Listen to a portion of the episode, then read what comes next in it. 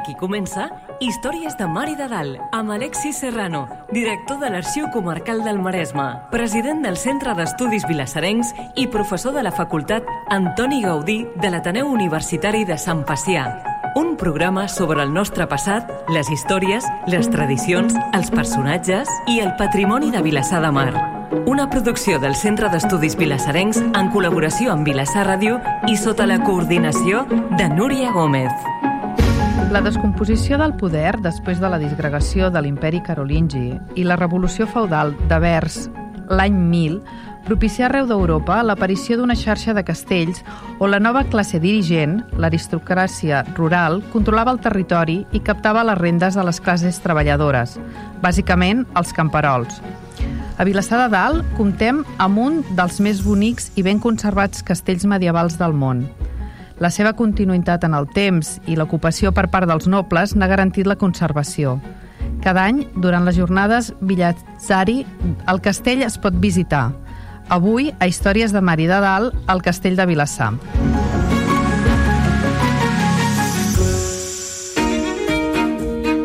Històries de Mari de Dalt. Entrant en matèria. Benvinguts. En el programa d'avui parlarem amb en Joaquim Graupera del Castell de Vilassar. Alexis, uh, també tu ens podries fer abans 5 cèntims, no? Sí, una mica per posar, una mica per posar en context, no? Has comentat, doncs, que eh, partim d'aquesta idea, no?, de la descomposició del poder centralitzat de l'imperi carolingi, eh, el territori, doncs, de l'Europa de l'Europa que avui considerem Europa, d'aquesta Europa que té un centre a l'entorn del Danubi, no? de fet mm. és l'Europa l'Europa carolingia, és, és bàsicament, eh, ara quan pensem en Europa pensem en això, els romans quan pensaven en Europa pensaven en una altra cosa, mm. no s'imaginaven que, que, que fossin que formessin part d'Europa territoris doncs, eh, de la Saxònia actual, etc etc. Ara, en canvi, ens sembla que el centre d'Europa és això, no? Mm. Però la descomposició d'aquest imperi centralitzat, eh, carolingi, que buscava aquesta, aquesta, mm, aquesta unificació europea, eh, doncs, i la conjunció doncs, a, a l'entorn de l'any 1000, eh, el 900, el 1000, el 1100, de, del que la historiografia anomena la revolució feudal la historiografia marxista part, privilegia molt la idea de la revolució, no? És a dir, un canvi, un canvi substancial en una època de la, de, en un moment de la història que fa que el que tenim eh, a partir d'aquest canvi és substancialment diferent al que teníem anteriorment. No? Per això parlem de la revolució neolítica, de la revolució feudal, de la revolució industrial. Eh, sí que és veritat que aquí, a l'entorn de l'any 1000, per, per arrodonir, perquè la gent eh, ho recordi, en el 900, etc, eh, comencem a veure com la desaparició d'aquest poder centralitzat fa que el territori doncs, es vagin vestint poders eh, locals Mm, on hi ha uns senyors que monopolitzen la força, monopolitzen la violència i amb l'excusa, diguem-ho així, de la protecció de la gent que viu a l'entorn, doncs el que fa és capitalitzar doncs, unes rendes que surten de la, eh, de la feina, de la feina dels que treballen és en, aquest, en el ple d'aquella idea que en els manuals de història de les escoles doncs tots hem vist no? aquella societat medieval que són els tres estaments no?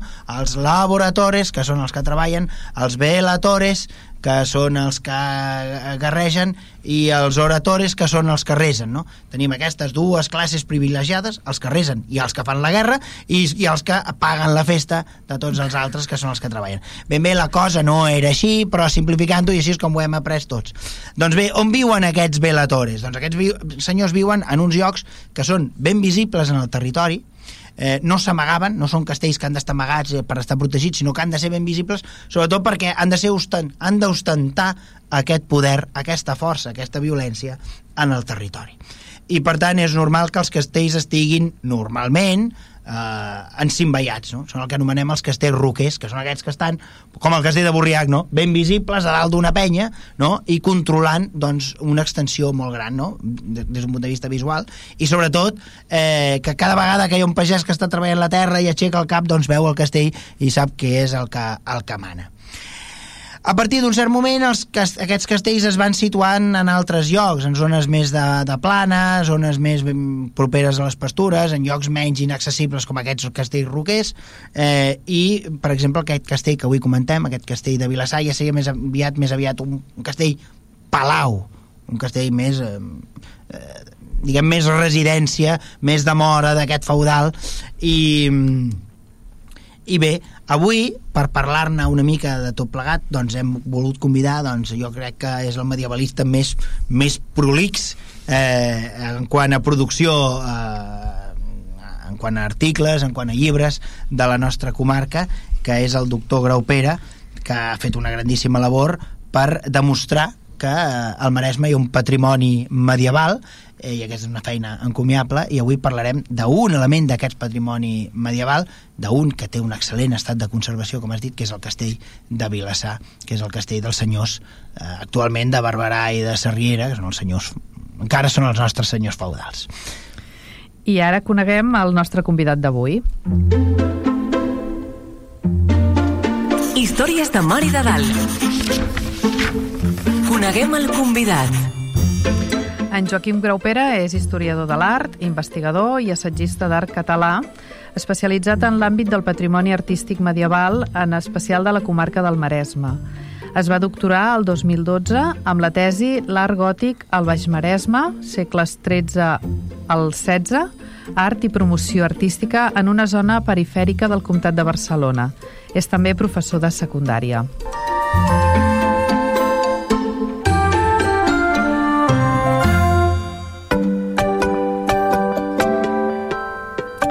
Benvingut, Quim. Hola, benvingut. Eh, en primer lloc, gràcies per convidar-me.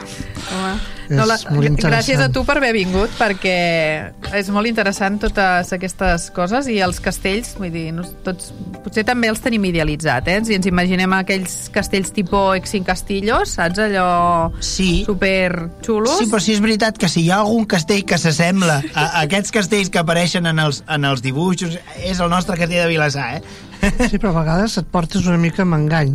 Home, sí, Perquè, quan veus exemple, que no hi ha dracs, eh, sí. Això, sí, cocodrils, cocodrils. la fosa. Però a part d'això, per exemple, tinc molt clar sempre la imatge de la cuina del castell, que hi ha una foto de principis de segle, i podia passar per una foto d'una masia qualsevol. qualsevol. Vull dir que, diem, evidentment, les comunitats potser una mica hi eren, però vaja, el castell de Vilassar concretament, alguna masia mm, també tenia el luxe aquest. Podien ser molt sí, còmodes, sí. però jo no canvio el no, meu no, piset no, no, davant del mar amb calefacció per un castell qualsevol d'Europa però sabem si té fantasma o si té fantasma. Exacte. Això no sé, Llavors això li dona un al·licient. Per alguns. Però vaja, jo estic d'acord amb tu, eh? A vegades quan llegeixes i dius allò que dormien amb uns drapets, allò amb les portes obertes i allà tot Déu... Sense cap mena d'intimitat. Sense cap mena d'intimitat ni res, a mi no em faria cap mena de gràcia, eh? No, no ho trobo gaire divertit. Però bé, posant, anem al, al castell aquest de, de Vilassar, que realment està en molt bon estat, però quan es va construir aquest castell? A veure, és un castell que passa per diferents fases, val? Mm. És a dir, tal com el coneixem ara, eh, és el fruit de diferents intervencions en el temps. Um, hi ha una part originària, primera, que era una torre de defensa, és a dir, eh, el que era el castell veritable dels senyors de, de la zona, que tenia el domini jurisdiccional de la zona d'aquesta del Maresme, eren els Sant Vicenç que estaven al castell de Borriac. Eh? Per tant, era encara als segles XI i XII no era encara un castell podríem dir evitable, sinó que era, més aviat sembla per la documentació, que era una torre de defensa. Llavors hi ha una segona fase eh, que després també si us interessa podem detallar perquè és molt interessant que és el segle XIII que ens marca, això que deia l'Alexis fa una estona, el pas del que són els castells roquers, els castells palaus a la nostra zona. I és una troballa que, que vaig fer perquè les fonts al segle XIII no són massa explícites en donar-nos dades a nivell artístic, és a dir, eh, has d'esbrinar eh, la datació dels edificis, aquesta evolució que en parlaves, sobretot per vies indirectes, com és la decoració, com està construït, el tipus de mur, etc. perquè la documentació, repeteixo, ens en dona molt poca, eh, molt poca informació. I per altra banda, eh, tal com l'entenem ara, la gran fase és el castell gòtic, que ja es converteix en un castell palau, sobretot amb un canvi de propietat, que actuen els desbosc, que són els nous propietaris que adquiriran el castell després del Sant Vicenç, que és una dinastia que eh, acaba extingint-se, i eh, doncs aquests nous propietaris eh, són bàsicament barcelonins, són gent que molt lligada a la monarquia de la Corona d'Aragó, eh, treballen per l'administració, són gent amb molts diners, i aquí el tenen com una jurisdicció que servirà bàsicament per, per ennoblir-se d'alguna manera.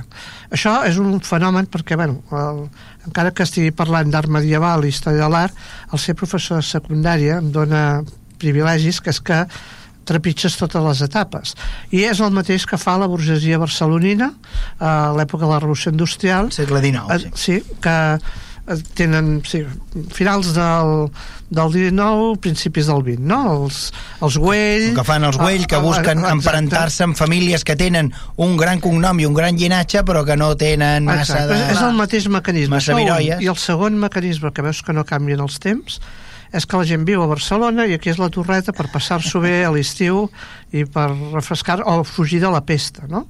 I ells viuen a Barcelona, eh, tenien una casa important, tenien diverses cases, la, casa, la casa important és a la vora del portal de l'Àngel, bueno, tota l'avinguda aquella, i aquí venien eh, una mica... Bueno, és una font de rendes. I es transformen... Anava a que el, hi ha un transfors sí. de que aquí no només és que tinguin una casa d'estiueig i tal, sinó que també d'aquí sí, sí, ha virolla, no? no, no, no? evidentment. El, uh, aquí hi ha dos llocs d'interès. Un és invertir en terres i l'altre és que es convertiran en, en, és a dir, reproduiran l'esquema feudal sense ser-ho, i això portarà problemes perquè justament aquesta pa part que, que parlàvem ara, l'última etapa de la construcció del castell, és una etapa de reformes que intentaran, com els vells feudals, que eh, participin gratuïtament el que ells consideren els vassalls, que ells ja no s'hi senten, els vilassarencs de l'època ja no se sentien doncs, eh, vassalls d'aquest senyor, perquè d'entrada tampoc era un senyor, era un nou vingut en aquestes classes social, i li pleitejaran, li faran una sèrie de plets perquè no resignaran a sotmetre's doncs, a un treball eh, gratuït per fer el castell, no? Uh -huh. I després hi ha també altres etapes secundàries però que han caracteritzat el castell com reformes al segle XVI també eh, en un moment que eh, aquesta nova dinastia dels Desbosc aconseguiran finalment ennoblir-se i també per plets aconseguiran falsificant documents també per demostrar que realment... Una altra constant també. en la història. Eh? Sí, sí, sí. I després hi ha l'època del barroc, que també s'hi fa una reforma a la capella, s'hi fan també amb unes pintures molt interessants d'aquesta etapa del segle XIII també s'hi fan uns afegits. I després hi ha una gran reforma d'aquesta època de, ja propera a nosaltres que és els anys 50 del segle XX 1956 hi ha una gran reforma per un arquitecte que es diu Adolf Florença que ho fa tan bé, allò del no neogòtic, que a vegades costa veure, veure què és medieval i què és del d'aquest historicisme contemporani. Vaja, que si no en saps gaire, cola perfectament, cola, no? Cola, a vegades cola. Sí. Val. Ja més darrerament, doncs, a l'entorn del jardí del, del ah, bueno, castell, sí. doncs, s'hi han, fet també algunes estructures nostres contemporànies, sí, sí, sí, sí. però ja per sort, fora, bueno, això no sé si fora del de, castell. de considerar... Això no és bueno, patrimoni no, també, medieval. Bueno, però, però també entra, sí. Tant, tant. Està clar que la piscina, per sí, exemple, sí, sí, jo no sí, sé si seria un element pròpiament...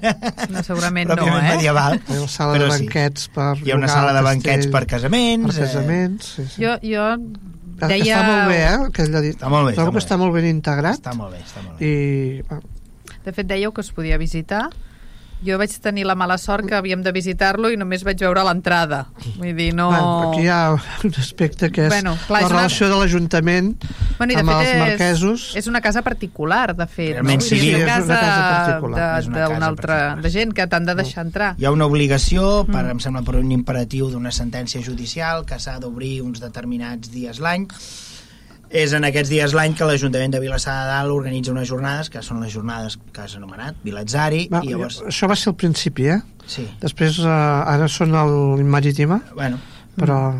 en, pri- a- Sí. són uns dies molt concrets l'any que es pot visitar i, però clar, la visita és veure el, el jardí Sí. és cert que des de fora no es veu gran cosa del castell quan entres al jardí veus el senyor castell amb tota la seva forma, pots donar la volta i pots entrar al pati d'armes i si tens sort que la capella està oberta veus l'interior de la capella Sí, no es veu massa cosa. I no es veu massa cosa més es veu al peu de la torre, que hi ha les escales i una escultura, em sembla i poca cosa més Però- però, clar, dins ja és una casa que hi resideixen els, els marquesos vull dir. Però, tot i dir que, que per molta gent és un castell bastant desconegut, perquè eh, queda molt amagat per la trama urbana, hi ha molta gent al Maresme que no sap ni que existeix aquest Bueno, tu sí, castell. eh? segurament si preguntessis per castells et dirien el de Burriac, sí. de fet, o el de, dirien el de Palafolls, el de i tal. Palafolls, que és bastant evident Sí, però que són els que tens com vistos, no? El de Florentina, el de sí, Florentina, bueno, aquest sí que, que és un veu des de cinc l'autopista. castillos. Sí. Sí, sí, aquest sí que és un cinc castillos total, eh? totalment, totalment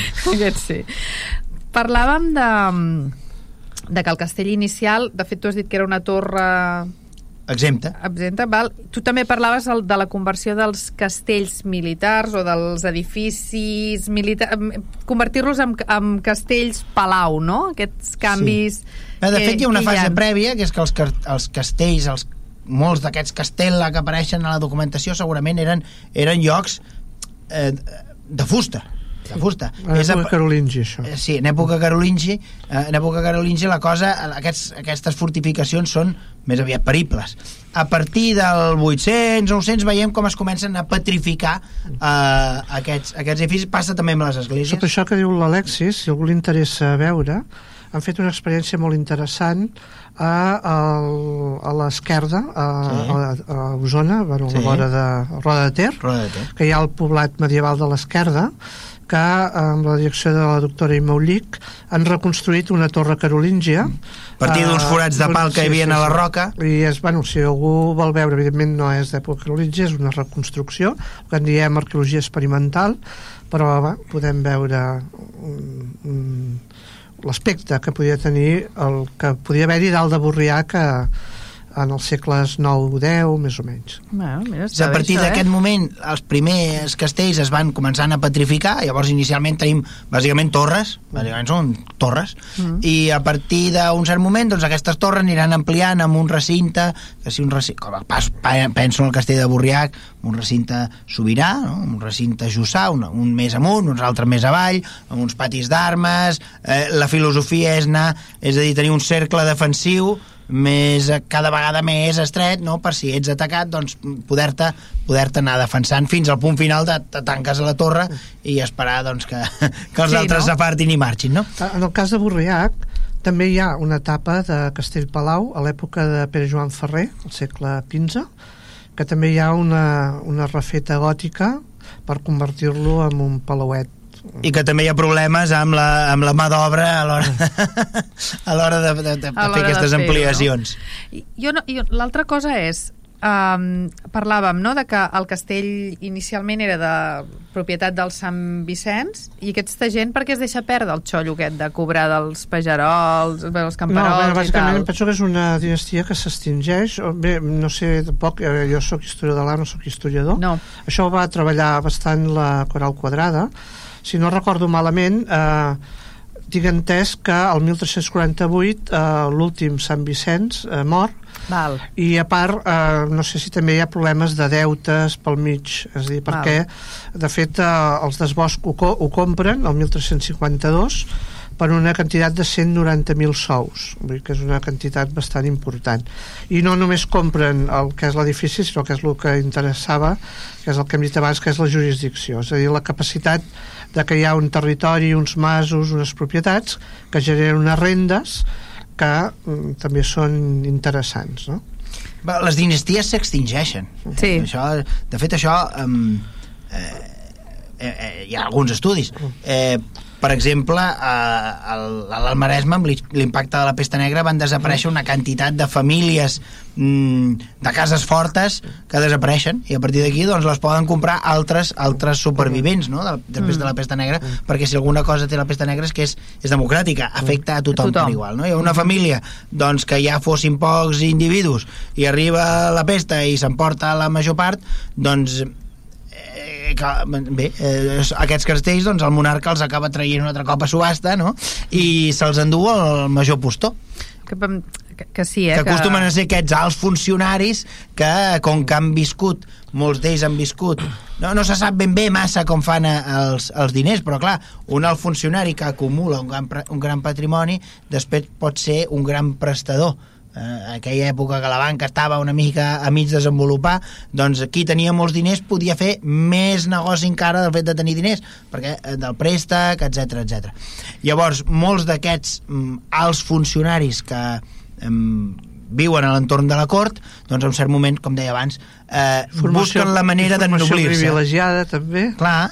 Bueno, i cobrament de favors, no? Vull dir que que també sí. a vegades... És una època, a més a més, ja a partir sobretot del segle, el segle, el segle XV, també amb la Guerra Civil, etc etc, la Guerra Civil catalana, eh, què passa? El monarca també necessita algú que va, li faci costat els monarques necessiten algú que li faci costat als seus exèrcits si tu tens la sort de posar-te al costat del monarca i el monarca vens doncs això després tens una recompensa no? Mm. llavors doncs eh, moltes d'aquestes famílies doncs intenten, intenten participar d'aquest joc Uh -huh. Això és, és molt propi d'un sistema aristocràtic, un sistema ternari. Aquí, bueno, el famós pactisme català, que és de la necessitat de, dels monarques de, de buscar suport. De la feblesa de la pròpia monarquia, de la pròpia institució monàrquica. O sigui, realment no és una cosa que sigui molt avançada, no és que fossin uns demòcrates i que els agradés pactar, que a vegades, es ven aquesta a vegades idea. es ven aquesta idea, sinó és, és precisament la, la necessitat d'una monarquia feble, doncs que necessita buscar-se doncs això, companys de,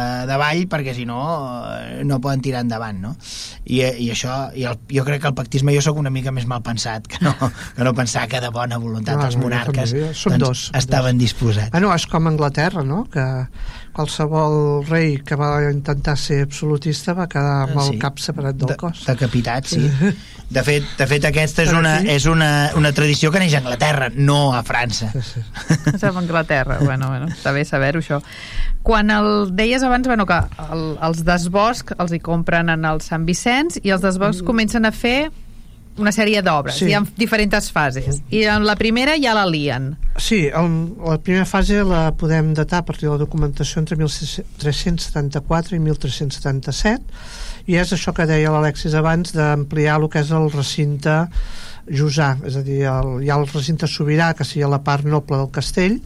Llavors fan tota una sèrie de, de barbacana, bueno, de, de, de muralla per eh, augmentar la defensa d'aquest castell no? Uh -huh. eh, i aquí és el moment en què aquí és un, la documentació ens dona a més a més, eh, cosa que en altres fases no tenim, he dit que abans a vegades la documentació costa a nivell d'història que ens doni dades però aquí sabem que hi va participar dos arquitectes el Ramon Ferrer i el Francesc Rispau i a més a més també en sabem el nom d'un fuster que és el Pere eh, Roqueta. Clar, hi ha la part d'obra, hi ha la part del teixinat del sostre, hi ha una part de fusteria important. I després la part més destacable és aquest eh, conflicte amb els vilasserens de l'època per, eh, perquè clar, hem parlat que aquests els desbosc són gent que prové de la burgesia barcelonina eh, però no són nobles. I en canvi, clar, el, dins del dret feudal el poder treballar pel senyor eh, demana que els súbdits d'alguna manera eh, entenguin que aquella persona és un senyor superior i en aquest cas, com que no té eh, doncs aquest origen social mm, hi ha el gran, el gran dubte de, de participació en aquest cas no? hi ha tot un plet que durarà mm, molt de temps i pràcticament no s'acaba fins al segle XV fins al 1415 que no s'acaba de resoldre això no? i els hi van fer treballar per ell? Sí, sí, sí, suposo que... Sí. Bueno, això tampoc bueno, la clar, documentació... No, diu, no, no, no, clar, clar, clar, estem parlant de fa molts segles. Però, clar, evidentment tenim el castell, sí. per tant... El castell es va fer. Eh, clar, l'obra es va fer, però sí que hi ha aquesta, aquesta dificultat. Aquesta qüestió de la legitimitat, no? És a dir, mm. ningú discuteix que un noble sigui noble perquè és fill de nobles. Però quan aquesta idea es va, es va prostituint, permeteu-me l'expressió, sí. es va deformant, no? I tu ets noble perquè has comprat un títol, doncs està clar que aquesta legitimitat doncs, a, a ulls de, dels que t'han de mantenir doncs no es percep de la mateixa manera. Eh, jo recordo, jo recordo que quan es va... Recordo parlar amb un republicà famós que quan el monarca actual nostre es va, es va casar amb una periodista diu, diu jo sóc una persona republicana jo reconec que el, el Juan Carlos és rei perquè és fill de reis i, i el seu fill, el Felipe, és, bueno, fill de reis. Sí, sí. Bueno, sí. una línia més o menys discutible, però diu, i també el Felipe és fill de reis, no? També la, la família dels grecs destronats, però d'una família, d'una dinastia. Diu, el problema serà quan els fills del, Juan, del Felipe i de la Letícia doncs realment el 50% eh, no, no, seran, és, no. no seran reis. El mm. problema és que quan has estat durant 2.000 anys, en aquest cas eren menys perquè estem eh, al 1.300, eh, no, era, eh, no feia 2.000 encara, però quan has estat 1.000 anys o 600 o 300 eh, apuntant sobre la idea que la legitimitat és perquè tu vens per la consanguinitat, vinculat a un llinatge, a un cognom, en una època que no tothom tenia cognoms, en un, a un escut, a unes armes, etc etc i d'un dia per l'altre això canvia, no esperis que la gent t'ho reconegui. Clar. Vive el Però en una societat um, de privilegiats i no privilegiats. Vull dir que cada aquí, teòricament, bueno, aviam, tots, tots parlo, som iguals jo, davant la llei. Sí, sí, però jo parlo dels monarques que em sembla sí, sí, que, són, sí, sí. que són privilegiats. Sí, eh? sí, sí. Potser no tota l'aristocràcia dia d'avui ho és tant. Sí, però en aquesta època això era... Encara era clar, més exagerat, exacte, no? Sí, sí, exacte. Mm, clar. Però clar, llavors aquesta crisi de, la, la, de legitimitat entronca amb això, és a dir, si tu durant molt de temps... És a dir, tota aquesta teorització té a veure doncs, que hi ha uns homes que són superiors a uns altres, però des de sempre sí. des de sempre. No? Hi, ha, hi ha tota una sèrie d'autors que ho han anat teoritzant, etc etc. Eh, i fins i tot l'Església ha arribat a... Per la gràcia de Déu. Per la gràcia Déu, de Déu. Eh, llavors, el papa Gerasi, la teoria de les dues espases no? i els dos poders... Eh, bé, en la construcció de tota aquesta idea, doncs que un dia per l'altre arribi un senyor que per ser un mercader ha acabat finançant el monarca i que finançant el monarca ha acabat tenint un, un, un privilegi, una prebenda a l'entorn de la cort, s'ha convertit en un alt funcionari eh, i eh, gràcies a això s'ha s'ha enriquit molt i ha pogut arribar a comprar un feu, doncs eh, no esperis que la gent es reconegui aquesta legitimitat, perquè eh, aleshores érem si ara ho sabem tot de tothom, imaginem abans que eren molt menys, vull dir, aquesta, tot això, la informació corria, i la gent això ho sabia, per tant, era normal que es discutís. Sobretot tenint en compte que és en un període, al 1300 i ja 1400, ja no diguem, que les comunitats volen sotreure's d'aquest poder feudal Clar. i busquen, busquen eh, un altre mm, protector. A casa nostra, el, el gran protector, dic que a casa nostra val per tot Catalunya, el gran protector és, el, és una altra gran institució del país, que és el Consell de Cent, que és l'Ajuntament de Barcelona. I la manera de, de treure't i de buscar garanties d'una certa independència davant de les ingerències feudals és eh, convertir-te en, una, en un carrer, no? que el teu poble es converteixi en un carrer de Barcelona. de Barcelona. Això és el que anomenem el carreratge, que és aquesta institució que eh, llavors el que, el que buscaran els vilassarencs, com també els mataronins, com tantes les altres Allà, comunitats, etcètera. premiats, etc etc, tothom intentarà, intentarà que aquest municipi, aquesta comunitat, aquesta localitat, sigui considerada un carrer de Barcelona i pel fet de ser un carrer de Barcelona eh, doncs tindran unes altres obligacions. Tindran l'obligació de defensar la ciutat de Barcelona quan sigui atacada que és la mateixa obligació que tenen si és atacat el senyor feudal de Vilassar.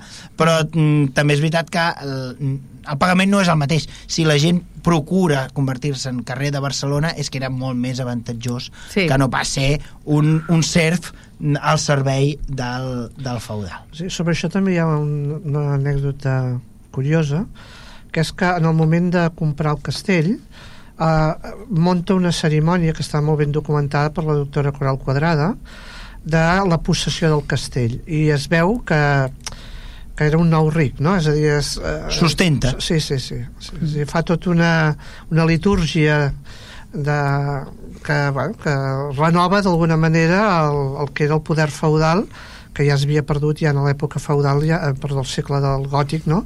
ja no era amb la mateixa virulència que els segles 11-12, no? Uh -huh. que queda una mica descafeinat per justament això, és a dir, eh, aquesta crisi la, de, legitimitat. de legitimitat. Llavors els feudals no intentaven eh, eh, aparentar-ho molt per no aixecar els repels de la, de la gent, no? I en canvi arriba un nou ric i pretén doncs, que tothom faci aquestes grans pleitesies, aquestes grans reverències, i això, òbviament, no agrada, però no agrada als vilassarencs com no agrada no, no, a, ningú. en general a ningú. És una cosa... exclusiva i després hi ha una qüestió que és eminentment jurisdiccional és a dir, eh, què vol dir la jurisdicció? Vol dir que el feudal té la capacitat de jutjar-te en primera o en segona instància, en matèria civil o en matèria penal, hi ha tota una sèrie, una sèrie de... és molt complicat el dret medieval, complicadíssim, eh, però el que sí que és cert és que imaginem-nos que el, el, el jutge és el senyor feudal, o el senyor feudal té els seus jutges, té... Eh, eh, clar, sempre, sempre acaba fallant eh, a favor mm, de casa perquè sí, ens clar. entenguem. I per tant, és, és sempre és preferible que eh, treure't d'aquesta d'aquesta mm, d'aquest poder eh, judicial, no? I per tant, buscar-se, buscar l'abric de Barcelona implica també buscar l'abric jurídic, l'empara jurídic de, de la monarquia. Val. És millor ser un serf directe del monarca que no pas ser un serf directe del, del feudal. I per tant, en, en aquests segles que ens trobem, eh, és la paradoxa, no? En el moment... També l'Església. Tan major expansió... també té els seus... També, també, que també era millor. També, també era millor, sí. certament també era millor, i també era millor la, la, la contribució, la contribució a la que et, et sotmetia l'Església, si les terres eren de senyoriu eclesiàstic, pagaves menys que no passi que si les terres... Dels... Perquè l'Església no acostumava a renovar, a, a renovar els preus va, ja sabem que sempre que renoven els preus és que pugen, eh? Ja sí. ho sabem. L'Església trigava molt a renovar els preus, llavors feia que els preus fossin molt més barats. I en canvi els feudals els renovaven molt contínuament. Expliquem-ho tot. Què implica ser un feudal? Jo sempre ho dic, un tio muntat a cavall amb una armadura es costa com un Ferrari. Després un tio que fa uh, de, de la guerra, que practica la guerra, vol dir que des dels 10 o, o des dels 8 o dels 9 anys ja cavalca, ja s'entrena, ja... Sí. Hi ha una, hi ha hi ha una, una inversió. Hi ha, una, una formació. Hi ha una formació, hi ha una inversió, sí. i això val molts diners. Sí. Eh, I llavors està clar que, en fi, en aquesta lògica les, aquestes coses tenen un sí, pes. Sí, tenen un, pre, un preu i, evidentment, no? Està claríssim. Si seguim amb els desbosc, hem dit que feien una primera fase d'obres en el, en el, quan el compren, val? I, però en el segle XV fan una, sí, ha una, altra. una altra ampliació, Entre no? el 1406, 1409, més o menys, això també la documentació és molt fragmentària perquè justament el, el que ens ha arribat és el pletes i bàsicament el, la documentació no parla de les obres eh, de forma directa sinó de, també del mateix. I en aquesta és on el, el castell s'amplia. Ja tal com el tenim ara, i d'aquesta primitiva torre sí. eh, ja s'havia construït una que, que és molt interessant, que si voleu després en parlem, jo crec que és mm -hmm. la part més interessant del castell Uh, I després uh, es construeix, si ens hem d'imaginar una torre central envoltada d'un recinte de muralla, més o menys rectangular, doncs es va vestint tot un edifici a redós d'aquesta paret, cap a l'interior. És a dir, la, la torre quedarà uh, absorbida pel castell. És dir, pràcticament no hi ha uh, una, una plaça d'armes, que diríem, sinó que entres a dintre i trobes eh, pràcticament la torre enganxada en aquest anell d'edificis de, construït a principis del segle XV. I construeixen a la part del darrere eh, també una altra torre quadrada que mm, suposo que devia defensar el pas cap a la zona de, de Premià, és a dir, la, el que és la, el camí mm, de la serra, no? I és una, una, una part ja que és més pròpiament de, de Castellpalau eh, és, una, és, és una estructura molt semblant al que trobem als palaus urbans del segle XV a Barcelona, segle XIV-XV carrer Montcada, per exemple és a dir, una entrada amb un porxo eh, que dona un pati d'arbres, en aquest cas queda Molt pràcticament reduït perquè hi havia la torre que, es va, que és an, an, uh, anterior hi ha una escalinata més o menys monumental uh, que dona a la planta noble que és el primer pis. Eh? La planta baixa seria dedicada a tot el que seria magatzems, El celler. eh, celler, va, tot el que seria el, els quadres d'animals, bueno, també podia estar una mica fora. Bàsicament, eh, habitacions d'ús. La planta noble seria la primera i les habitacions més privades estarien en el segon pis. Mhm. Serien més aviat això. Va? Hi ha una tercera fase d'obres, aquestes no sé ben bé... Em sembla Bueno, el és en- segle XVI, en el però aquí XVI. és bàsicament de maquillar sobretot la façana. És una època que... Eh, això també he fet mm, diferents estudis al, pel que és les masies, que és el, el monumentalitzar la façana. I en aquest cas hi ha tot un comerç eh, treballat a les Pedreres de Barcelona, de Montjuïc, de compra-venda d'aquests elements, mm, podríem dir, seriats, que són finestres que no només és el castell de, de Vilassar, sinó moltes masies. És a dir, penseu que les masies del terme, el que hem dit abans, s'han constituït ja amb ajuntaments, eh, el que en diem universitats del terme, i aquests pagesos grassos, aquestes eh, pagesos que ja tenen una entitat econòmica important, es converteixen la masia en una mena de masia palauet amb la sala, etc. No? I veureu que en moltes masies del Maresme la- es monumentalitza la façana amb aquestes finestres gòtiques Prefabricades. mm. prefabricades. I en el cas del castell també mm, són, bueno, podria ser com qualsevol, Sí. no, no es diferencien res. L'únic element interessant és que si hi ha un escut, va? Eh, que és en el moment, això va, ho va estudiar el que és el procés històric, eh? no la part artística, el, el Benet Oliva, que és el que finalment aquest, eh, aquest intent des del desbosc, ja des del segle XIV, de constituir-se amb nobles, ho acaben aconseguint, no? I llavors es fan un gran escut ja més de- d'època del Renaixement, eh, que bueno, ostenten que, que, que tenen aquest grau de noblesa. Hi ha tota aquesta reforma de la, de la façana. I després l'altre són adaptacions del castell, tot, tot i que és un castell que en època del barroc eh, bé, hi, ha, hi ha una etapa interessant al segle eh, XVIII que és eh, que mm, hi ha una restauració eh, per part de Teresa Desbosc, que és la vídua de Calders, del retaule de, de la capella, un, es fa un retaule barroc, encara es conserva, tenim la sort que es conserva, val? i després hi ha tota una reforma del teixinat de la, de la, de la torre primitiva del segle XIII, en què es repinten tots els escuts heràldics de, perquè clar, aquestes famílies eh, hi ha una política matrimonial que es aniran emparentant amb grans famílies de, de Catalunya no? Llavors eh, es, eh, tot aquests eh, aquestes adquisicions de títols Ah, has d'anar eh, canviant tenen, l'escut. tenen un escut i per tant de, de, la, de la pintura del 13 s'hi van repintant això. I això és interessant perquè eh, la, es casen amb el Sarriera i el Sarriera eren els propietaris eh, d'un castell eh, que és eh, un castell de l'Empordà eh, i el que fan és eh, doncs eh, imitar d'alguna manera es veu molt clar que les pin... perquè allà també s'ha conservat el, el, el que serien el, el, els escuts no? del, del castell i eh, doncs es veu doncs el, que hi ha una còpia eh? ja no sabem quin pintor va fer és el castell de, no recordo, el de Volpellac el castell de Volpellac que hi ha una còpia dels mateixos escuts no?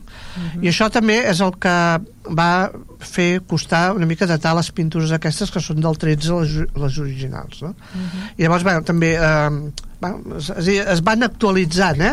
però més aviat elements de restauració però el que és l'estructura del castell pràcticament a part de la restauració aquesta del 1956 pràcticament eh, restarà intacta Ah, comentàvem que la, la propietat actual són el marquès, els marquesos de Barberà i, I de... Sarriera. Sarriera. Vale, per És tant, aquest cognom que Sí. eh, anomenàvem. acaba d'anomenar Sí. aquest cognom, per tant aquesta gent d'alguna manera venen Bueno, dels desbosc, Pau, vull dir que no és... no, Sant... sí, Sí, sí, bueno, sí. Però vull dir que venen Bueno, dels desbosc, una- que aquests no una és que els caterva de desboscs cognoms. que Sí, sí, invents, sí, sinó que aquests sí. són, són... Sí, són a partir de la política matrimonial de... Bueno, però- no, no hi ha una ruptura que... Així com el Sant Vicenç acaben venent el castell i li venen els desbosc, en aquest cas ha anat per, per matrimonis i per per d'allò, però són...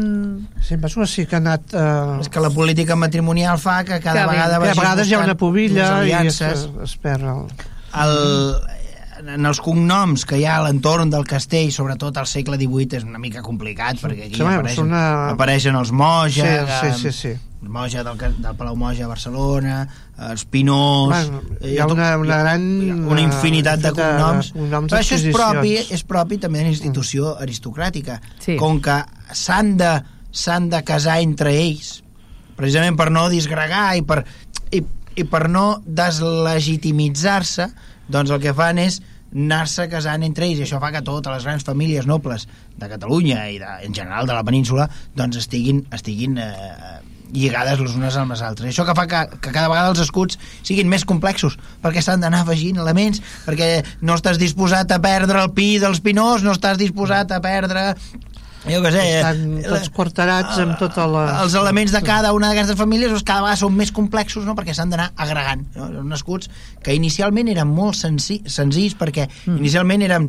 eren el pavès no? eren l'escut que, i tenien una Era cosa per identificar-se una identificativa batalla. en batalla per tant havien de ser molt molt esquemàtics, però a mesura que avancen els segles es van omplint de, de filigranes i de fet tenen sentit només gairebé només el paper. Aquí- No pots anar a batalla amb allò perquè ningú Si reconeixeria algú li res. interessa captar la idea aquesta del que era originalment la- l'heràldica en el camp de batalla, en el Museu Nacional d'Art de Catalunya, a la primera sala del Gòtic, hi ha unes pintures que es van trobar al Palau d'Aguilar del carrer Montcada, que representen el que seria la conquesta de Mallorca per Jaume I, i es veu el campament amb tots... Cadascú amb el seu eh, pavès. sí, els de pins, els pinós, anaven amb pins Clar. dibuixats, els Montcada amb topos, no? Clar. devia semblar una sevillana i bé, molt, els cruïlles amb creus no? com si fossin de la Creu Roja tots, I- eh, havien de ser identificables en batalla. Ah. Hem de pensar també que les batalles, la, la, les guerres, la guerra a l'edat mitjana, que era una cosa bastant recurrent, eh, tant que, vull dir que la gent a l'edat mitjana estava acostumada a haver d'afrontar la guerra, no com nosaltres, que, que pensem els nostres avis van patir la guerra i nosaltres esperem no haver-la de patir mai, mm. i ara ens esglaiem doncs, que en algun país europeu doncs, això passa. En èpoques pretèrites la, la guerra sempre ha estat una cosa recurrent, que tu saps que et toca viure un parell o tres de cops a la vida o més. A l'edat mitjana, però, la guerra era bastant més civilitzada del que ens pensem, perquè era una guerra que afrontava 4 contra 4. La, la, la guerra a l'edat mitjana, les, les guerretes, la, hi havia molta guerra diguem així, entre, entre feudals. Eh? Eren escaramusses. Eren, la, la idea era des, desgastar l'enemic, perquè mm, eren bastant més, eh, com dir-ho, eh, conseqüents. Jo estic en, en, en amistat amb tu, tu vens a fer pasturar les cabres a, a aquest costat de la riera, havíem quedat que el límit del conflit entre les teves terres i les meves era la riera i en canvi les teves, les teves cabres han vingut a pasturar a casa meu, eh, doncs jo vaig i et dic, escolta, mai més, i tu dius, no, no, si més enllà de la riera és terra meva. Llavors ens enfrontem. Com ens enfrontem? Jo tinc una, un, cinc o sis homes més o menys armats. Tu tens homes mm, cinc o sis més o menys armats, bueno, més o menys qui vens la guerra, una gran guerra, com podria ser, jo què sé, la de les naves de Tolosa, o, Però aquests- és quan el rei crida molts d'aquests però homes... s'hi posaven que... davant eh? Sí, sí, sí. que ara eh, gent que es coneix Exacte. eh, no s'abralla i en canvi envia a matar-se a gent Clar. que no es coneixen I en canvi que ells no... es coneixien i, i, i obraven en conseqüència, s'estomacaven entre ells, no? Però la cosa és que quan el rei crida hosti cavalcada als seus feudals, els seus feudals criden als seus homes i potser el senyor de Vilassar podia mobilitzar armats. Un home armat vol dir un home a cavall, vol dir un Ferrari, potser en podia moure 5 o 6. Però clar, imaginem la quantitat de gent que podia anar a una batalla. Si anaven 200, ja hi anaven molts, eh? Perquè eh, Això, els la gent a peu no servia per pel·lícules de massa. Hollywood han fet molta mal ha fet molt de mal, ha fet molt de Sí. mal. Sí. molt de mal. I sempre hem de, la nostra feina sempre és anar desmitificant i bé que la cosa era menys cridaneres al Igual passat. que, que la literatura històrica, que parla de moltes coses que possiblement, si ens poguéssim analitzar, tampoc serien certes, no? Vull dir, no és la, la veritat, però bueno. Clar, la gran, No. la gran, el gran invent de l'edat mitjana és l'estrep. És a dir, la cavalleria en època romana, en època grega i romana, servia de poc. Els homes a cavall servien per anar a, a, visualitzar el territori i tornar al campament, però les batalles eren de tipus oplític, eren tios Eren, eren tios que anaven a peu, amb un escut i amb una espasa, o un escut i una llança, o les dues coses, i poca cosa més. I era, i era una guerra, sobretot, d'impacte, no? uns contra altres. A partir de que hi ha l'estrep i tu domines més el cavall, és més difícil caure del cavall, perquè, clar, la que cau una mà del cavall amb aquella armadura, te'l menges amb patates. Sí. Perquè, ai, un home és com una tortuga, no es pot moure, Sí. cau a terra i no es pot moure. Però quan, eh, quan eh, hi ha estreps, això ho veiem amb Carlemany. Carlemany invita a que no vagi molta gent a fer la guerra, però que hi vagi gent armada. Diu que, que no vingui molta gent amb pals de fusta, no, no, Ah, clar. que vinguin més cavallers i menys eh, camperols, perquè els camperols ajuden fins a un cert punt, a partir d'un cert moment fan, fan soroll i poca cosa més. I per tant és més interessant moure 15 tios muntats a cavall per fer una bona càrrega que no pas 100 eh, amb bastons i, i, i- i barrets de, de, de, de pell de conill, eh, com us podeu imaginar. Això és cert. I aquesta gent, aquesta gent que viu en aquests castells són aquesta gent són, es calcula el poder d'aquesta gent com més més homes Poden portar. armats poden mobilitzar. Mhm. Perquè després, quan el rei et crida, doncs tu participes, i si tu has, has ofert al rei doncs, més cavallers, doncs a l'hora de passar a la bacineta i cobrar la teva aportació, doncs major serà el guany. Bueno, Eh, tot anava sempre... tot anava per la pela, eh? Eh, sempre. Avui anem de calés, eh, tot el rato. com sempre. Com sempre. Uh, parlaves abans de que en el castell hi ha una torre molt interessant que, que ens podies... Pues ens en podries explicar una mica, Correcte. no? Um, jo crec que és interessant perquè és el testimoni d'aquest art de transició del que anomenem del romànic al gòtic. I és un període que, bueno, que és molt poc tractat per la historiografia de la història de l'art medieval. Es parla del romànic, es parla del gòtic, i el segle XIII és com aquella terra de ningú que sembla que el, el romànic doncs, es va diluint i apareix el gòtic. No? Però jo crec que és una etapa molt interessant perquè justament eh, això que diem, la transformació de Castell-Palau, de Castell-Roquer Castell-Palau, ho protagonitzen d'alguna manera eh, eh, aquestes classes que estan emergint en aquests moments no? mm. i eh, hi han rastres perquè clar, això, torno a dir la documentació a vegades ens ajuda poc perquè eh, eh, sobretot eh, eh, a nivell d'història de l'art Uh, les obres les sabem sobretot a partir dels protocols notarials dels segles XIV i XV que hi ha tota una mania doncs d'escriturar- d'escriturar-ho tot no? és a dir, con- contractar el retaule les èpoques que és les factures de pagament les visures i un cop el retaule s'ha acabat s'ha de verificar que realment eh, doncs es compleix el que diu el, el, El contracte, contracte. etc. no? Però en aquesta època eh, hi ha molt poc eh, documents que ens parlin quan un fa una obra important de quin eh, quin mestre d'obres doncs, eh, contracta, etc etc. Per tant, en sabem molt poca cosa. I el que ens dona idea, bàsicament, és eh, les restes del castell, no? que són, bàsicament, hi han dos elements en aquí, que és um, el que seria un capitell, un capitell d'una finestra mm, geminada que hi ha que en aquesta restauració del 1956 va canviar de lloc i després la, la, un, un sostre teixinat. A veure, si ens el mirem eh, a prop no té molta qualitat, és a dir, a nivell de pintura no té qualitat, però és una pintura de, de les primeres que tenim perquè, per exemple, de pintura romànica al Maresme pràcticament no, no, bueno, no tenim res, només hi ha unes restes a Can Sant Romà de Tiana però que estan a, a, a, en un mur exterior que s'han degradat pràcticament totes, no? Per tant, és la, la pintura eh, medieval més antiga que tenim a la, a la nostra, que és el que se'n diu la, el gòtic lineal, o, proto, protogòtic, no? Que és un tipus de, de pintura que ja deixa de ser romànica per ser començar a ser gòtica. I es defineix per una, es diu eh, gòtic lineal perquè les figures estan molt emmarcades per una pintura negra, per una línia negra de, de dibuix. I eh, hi ha molts això és una pintura que es conserva decorant l'enteixinat el teixinat de la sala principal d'aquesta torre que devia convertir-se en la sala, el lloc on eh, aquests últims Sant Vicenç, perquè això encara és de l'etapa anterior a la compra dels desbosc, devien atendre eh, doncs les doncs el, La gent que anés a visitar-los, públic, no? que, Mhm. que d'impartir la jurisdicció, etc. No?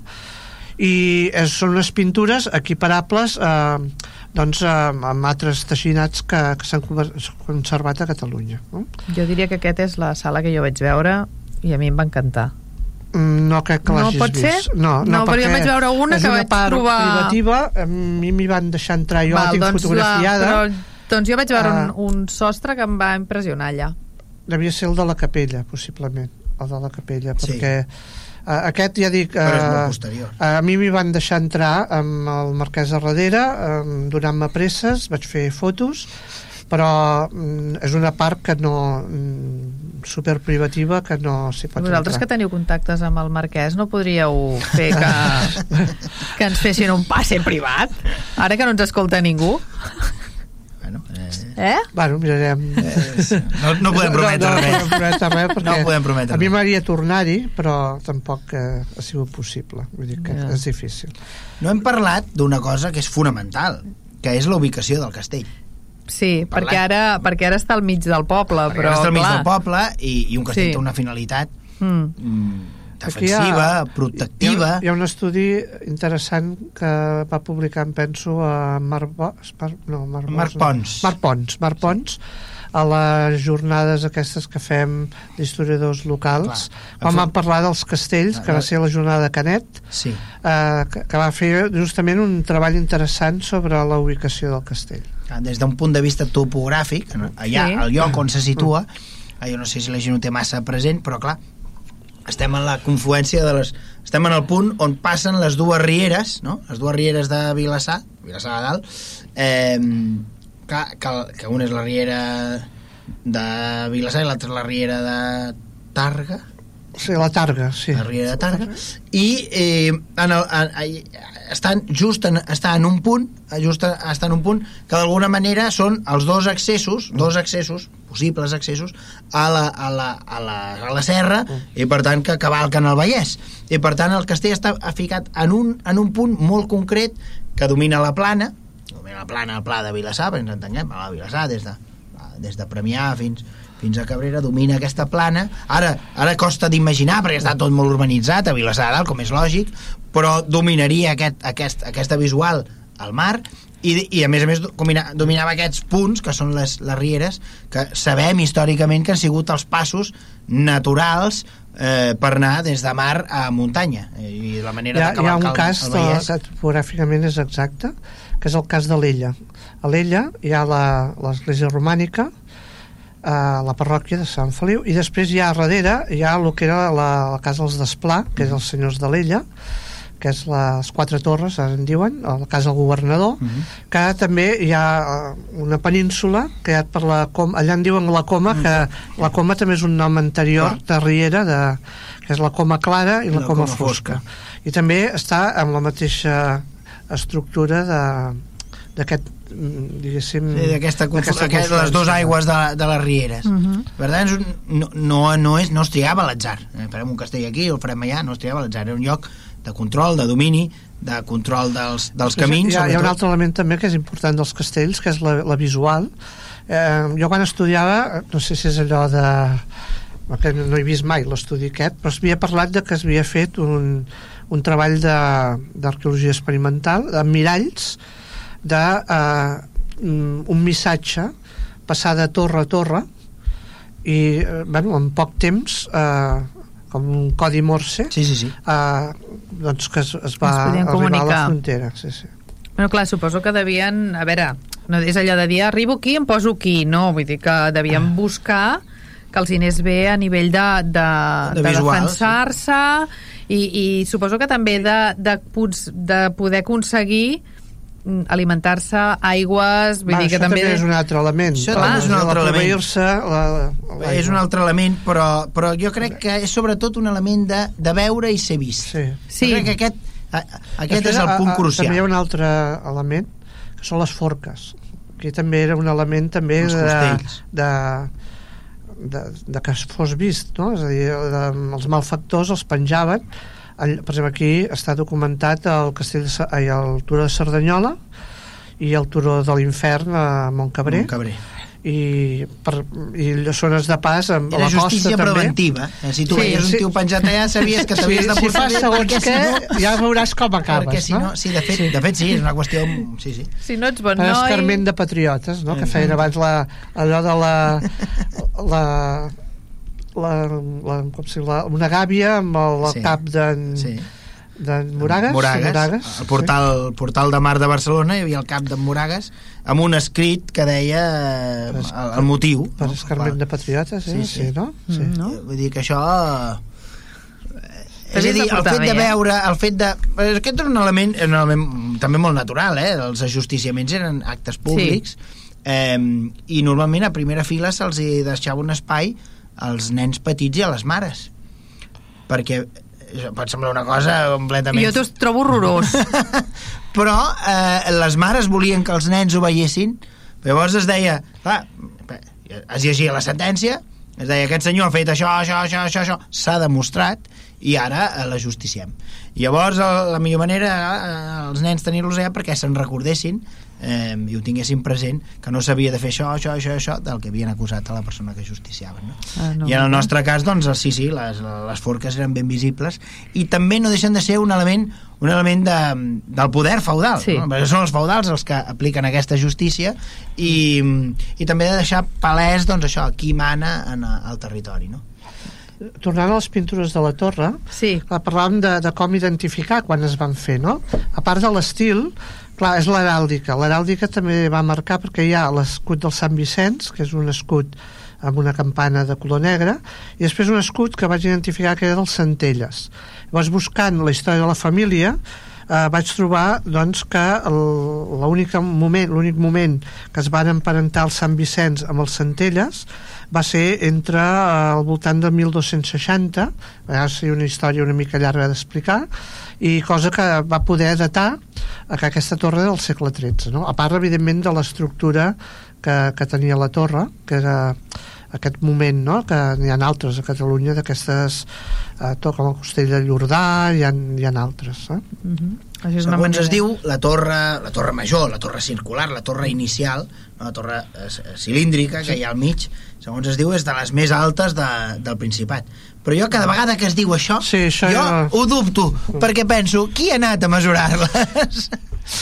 Oh, Ho hem sentit, eh? A veure, a veure, aviam... De les de alçades.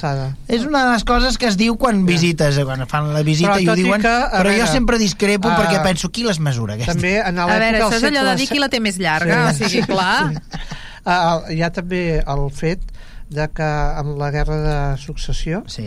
uh, Felip V va fer escapçar moltes torres, Moltes vull dir que S'ha de dir, i també va fer Sí, sí, destruir sí, sí. la major part dels castells del país, Sí. perquè d'aquelles dinasties, d'aquelles cases mm, nobles, fortes, eh, aristòcrates que es havien posat al costat de la causa austriòfila, no?, de, de l'arxiduc Carles d'Àustria, doncs, òbviament, des, aquests van ser represaliats, i molts d'aquests castells van ser eh, desmuntats, despedrats.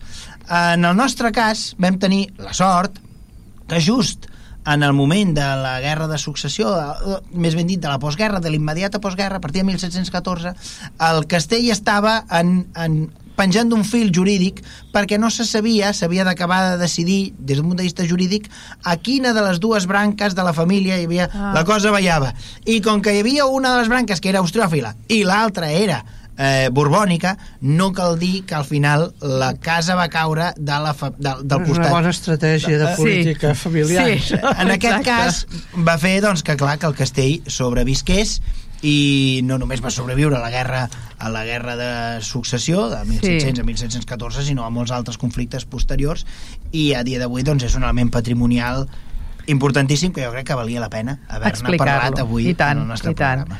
Sap greu. Que Sí, se'ns el acaba el temps, temps. Sí, sí, sí, em sap moltíssim greu perquè jo m'ho passo molt bé, a més m'agrada molt com ho expliques i, i, bueno, i tota la feina que has fet, que es nota, però hem de deixar-ho aquí. Gràcies, Quim. Molt bé, gràcies a vosaltres.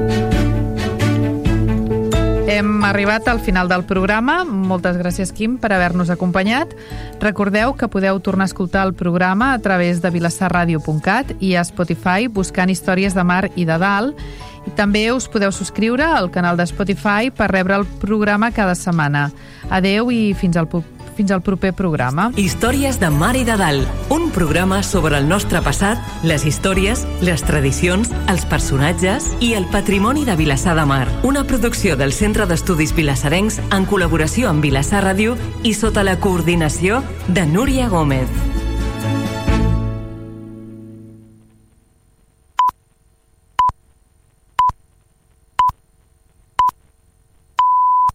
Vilassar Ràdio són les 10 de la nit. A veure, tu que no recicles mai, oi que no llences les restes del menjar al contenidor verd? No, és clar, perquè el verd no hi van, oi? Seria absurd. Doncs tan absurd com llançar-les al gris, estimat, perquè les restes